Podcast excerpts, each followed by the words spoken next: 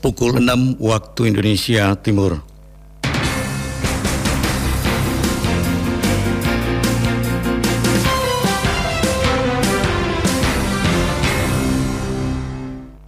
Mereka ini nanti tanggal 9 akan menggunakan haknya di TPS dengan membawa serta KTP elektronik. Disampaikan ke KPPS, nanti mereka didata menggunakan formulir ATB. Saya melihat uh, perkembangan Kamtipmas di Fakfak sangat baik sekali, sangat mantap. Sebagaimana jelas Pak Kapolres tadi betul, uh, tahapan-tahapan pemilu berjalan dengan baik, aman dan lancar.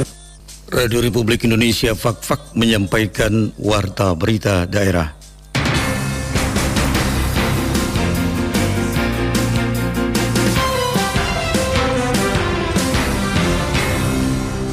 Selamat pagi, kami sampaikan sari berita. KPU Kabupaten Fakfak hari ini menggelar debat publik putaran pertama calon bupati dan wakil bupati Kabupaten Fakfak. Pasangan nomor urut 1 Samaun Dahlan, Clifford Hendrik Dandarmana dan pasangan calon nomor 2 Untung Tamsil dan Yohana Dina Hindom. Pengolahan pupuk organik dari kotoran kambing diharapkan mampu meningkatkan taraf hidup perekonomian masyarakat setempat. Itulah berita utama pagi ini selengkapnya bersama saya, Emsen Lamonca.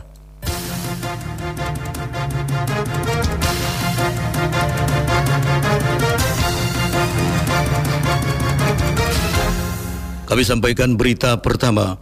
Saudara, hari ini Komisi Pemilihan Umum KPU Kabupaten Fakfak menggelar debat publik putaran pertama calon bupati dan wakil bupati Kabupaten Fakfak pasangan nomor urut 1 Samaun Dahlan, Clifford Hendrik Dandarmana, dan pasangan nomor urut 2 Untung Tamsil, Yohana Dina Hindom.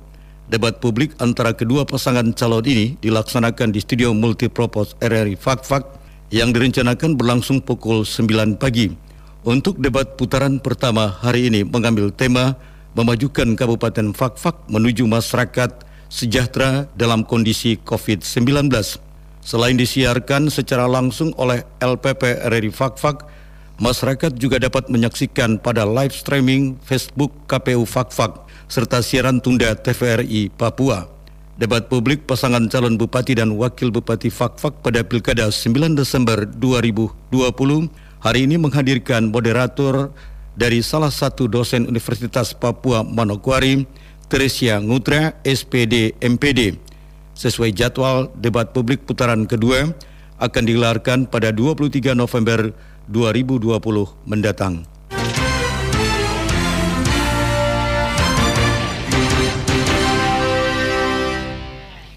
Masyarakat yang telah memenuhi syarat namun belum terdaftar dalam DPT Pemilihan Kepala Daerah tahun 2020 dihimbau untuk segera melakukan perekaman EKTP guna diakomodir dalam daftar pemilih tambahan. Berikut laporan selengkapnya.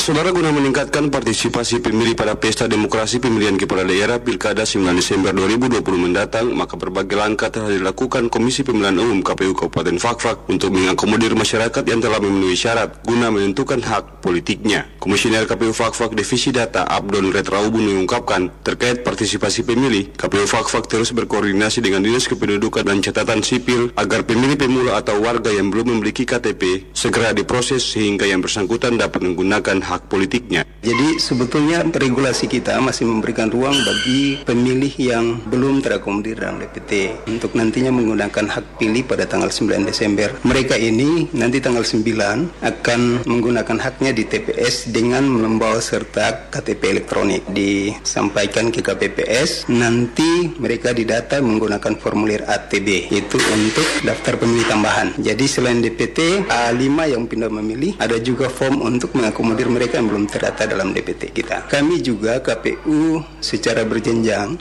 diminta untuk berkoordinasi intensif dengan Dukcapil dalam rangka memaksimalkan perekaman EKTP bagi warga masyarakat yang sampai hari ini belum melakukan perekaman. Kita berharap Pilkada 2020 ini mampu menjawab seluruh kepentingan masyarakat dalam hal ini pemilih dalam rangka melindungi hak pilih atau hak konstitusi warga negara. Kita berharap pilkada ini tingkat partisipasi pemilihnya lebih tinggi daripada pilkada sebelumnya. Selain itu, sesuai petunjuk KPU RI, maka KPUD termasuk KPU Fakfak gencar menghimbau kepada masyarakat agar segera melakukan perekaman EKTP sehingga pada hari H pelaksanaan pilkada, masyarakat yang belum terdaftar di DPT dapat dilayani di TPS masing-masing. Disebutkan Abdon daftar pemilih tetap atau DPT pada pemilihan kepala daerah Kabupaten Fakfak tahun 2020 berdasarkan hasil pencocokan dan penelitian yang telah dilakukan oleh petugas dan telah ditetapkan sebanyak 50.206 pemilih yang tersebar di 17 distrik di daerah ini. Demikian Niko Flobun melaporkan.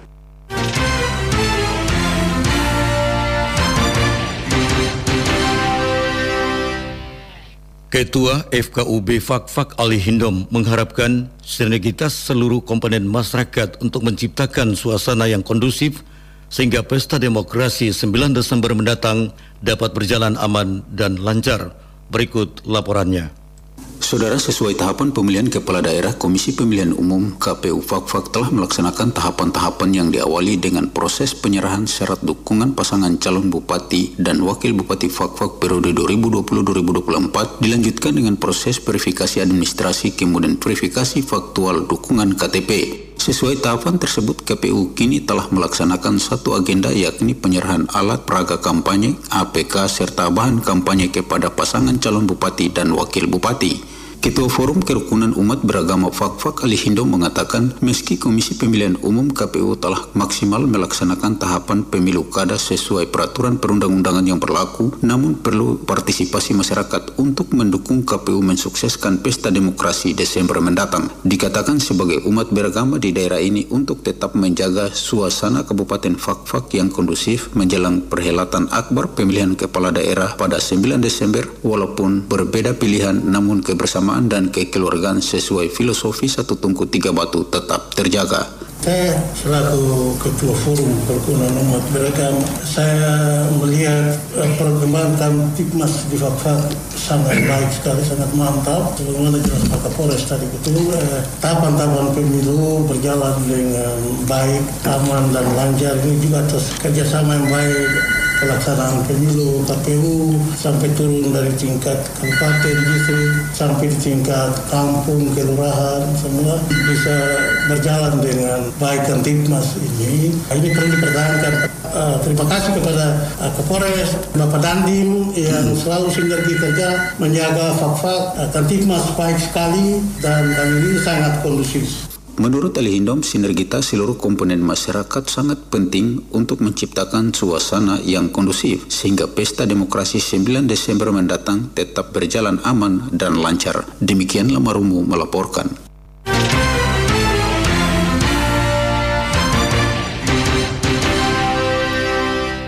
Warta berita daerah ini tengah disiarkan Radio Republik Indonesia Fak-Fak. Memperingati Hari Pahlawan Nasional tahun 2020, jajaran Direktorat Jenderal Perhubungan Laut Distrik Navigasi kelas 1 Sorong Stasiun Radio bekerja sama dengan Panitia Hari Pahlawan Nasional Kabupaten Fakfak akan mengibarkan bendera merah putih ukuran 5 kali 3,5 meter di Rambu Suar Karang Meti-Meti Tanjung Wagom, Distrik Pariwari, Kabupaten Fakfak, Papua Barat. Kepala Stasiun Radio Pantai Fakfak Distrik Navigasi Kelas 1 Sorong, Sambahudin Iha menyebutkan peserta pengibaran bendera merah putih ini diikuti oleh personil Pos TNI AL, Satpol Air, Dinas Sosial, Basarnas, Dinas Perikanan, dan KPLP Fakfak. Sambahudin Iha menyatakan Hari Pahlawan menjadi momentum bagi bangsa Indonesia untuk melakukan introspeksi diri seberapa jauh setiap komponen bangsa dapat mewarisi nilai-nilai kepahlawanan, melanjutkan perjuangan mengisi kemerdekaan demi mencapai NKRI yang sejahtera, adil, dan makmur. Oleh karena itu, peringatan Hari Pahlawan harus melahirkan ide dan gagasan mentransformasikan semangat pahlawan menjadi keuletan dalam melaksanakan pembangunan.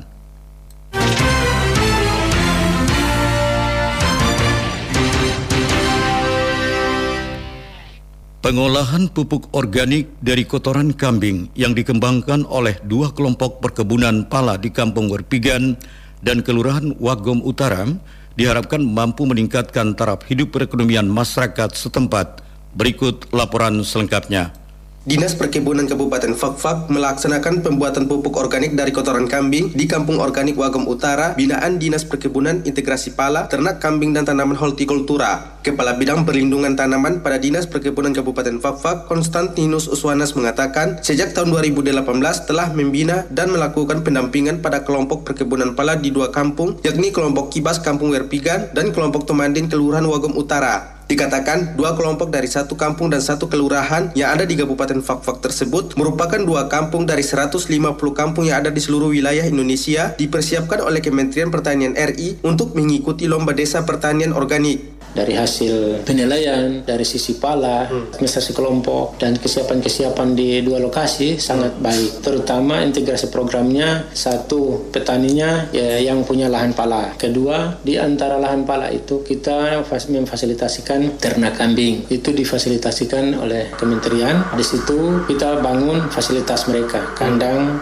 rumah rumah mesin, yeah. rumah kompos. Hmm. Ini rumah kompos ini maksudnya hasil yang nanti dari kotoran kambing itu yeah. yang padat bukan dari urennya bukan yang padat itu kita tampung di rumah kompos. Itu dan satu tempat sekretariat kelompok. Nah itu yang sudah ada di dua kelompok ini. Nah dari sekian ya, kegiatan yang kita ini ada kerjasama dengan peternakan yaitu hmm. kambingnya. Tetapi di situ dari pertanian juga kita eh, sama-sama juga coba memfasilitasikan ada palawijanya. Hmm. jadi di sini kan ada sayur-sayuran. Hmm. nah, itu juga kita kembangkan di areal kelompok tersebut Menurut Konstantinus, dari dua kelompok tersebut, jumlah masyarakat pengolah pembuatan pupuk organik dari kotoran kambing sebanyak 29 orang yang terdiri dari 14 orang berada di kelompok Kibas dan 15 orang di kelompok Tomandin. Sementara pada masing-masing kelompok pekebun pala diberikan bantuan sebanyak 30 ekor kambing yang merupakan bantuan dari Dinas Perkebunan Kabupaten Fakfak. Ini dari dua kelompok. Hmm. Di kelompok Kibas itu 14 orang,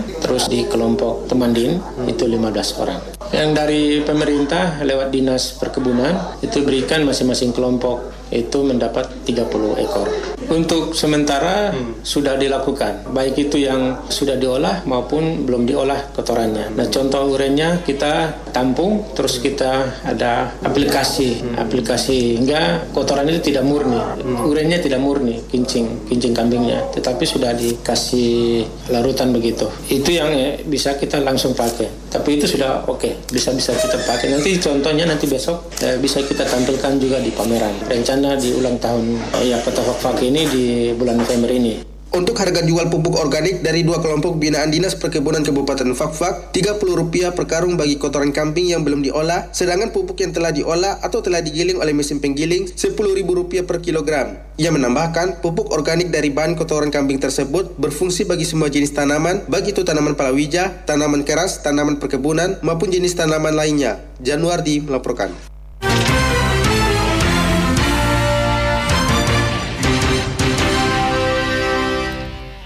Ada empat aspek penting yang akan didapatkan oleh mahasiswa dan mahasiswi STAI Al-Mahdi Fakfak selama mengikuti praktek peradilan umum yakni aspek ilmu, pengetahuan, aspek pengalaman, serta aspek skill dan keterampilan.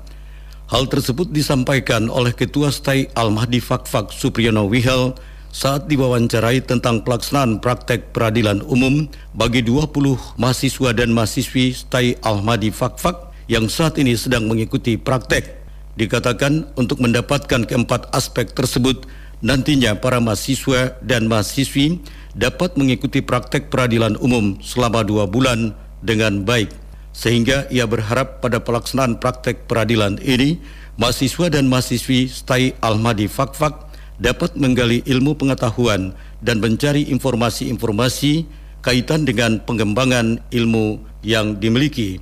Ia menambahkan praktek umum peradilan merupakan program wajib yang harus diikuti oleh mahasiswa dan mahasiswi STAI Ahmadi Fakfak, program studi hukum pidana Islam yang akan mengakhiri studinya.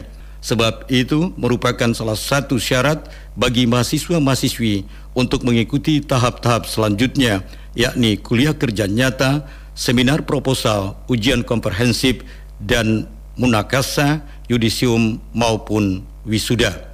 Pengadilan negeri dengan durasi waktu masing-masing satu bulan.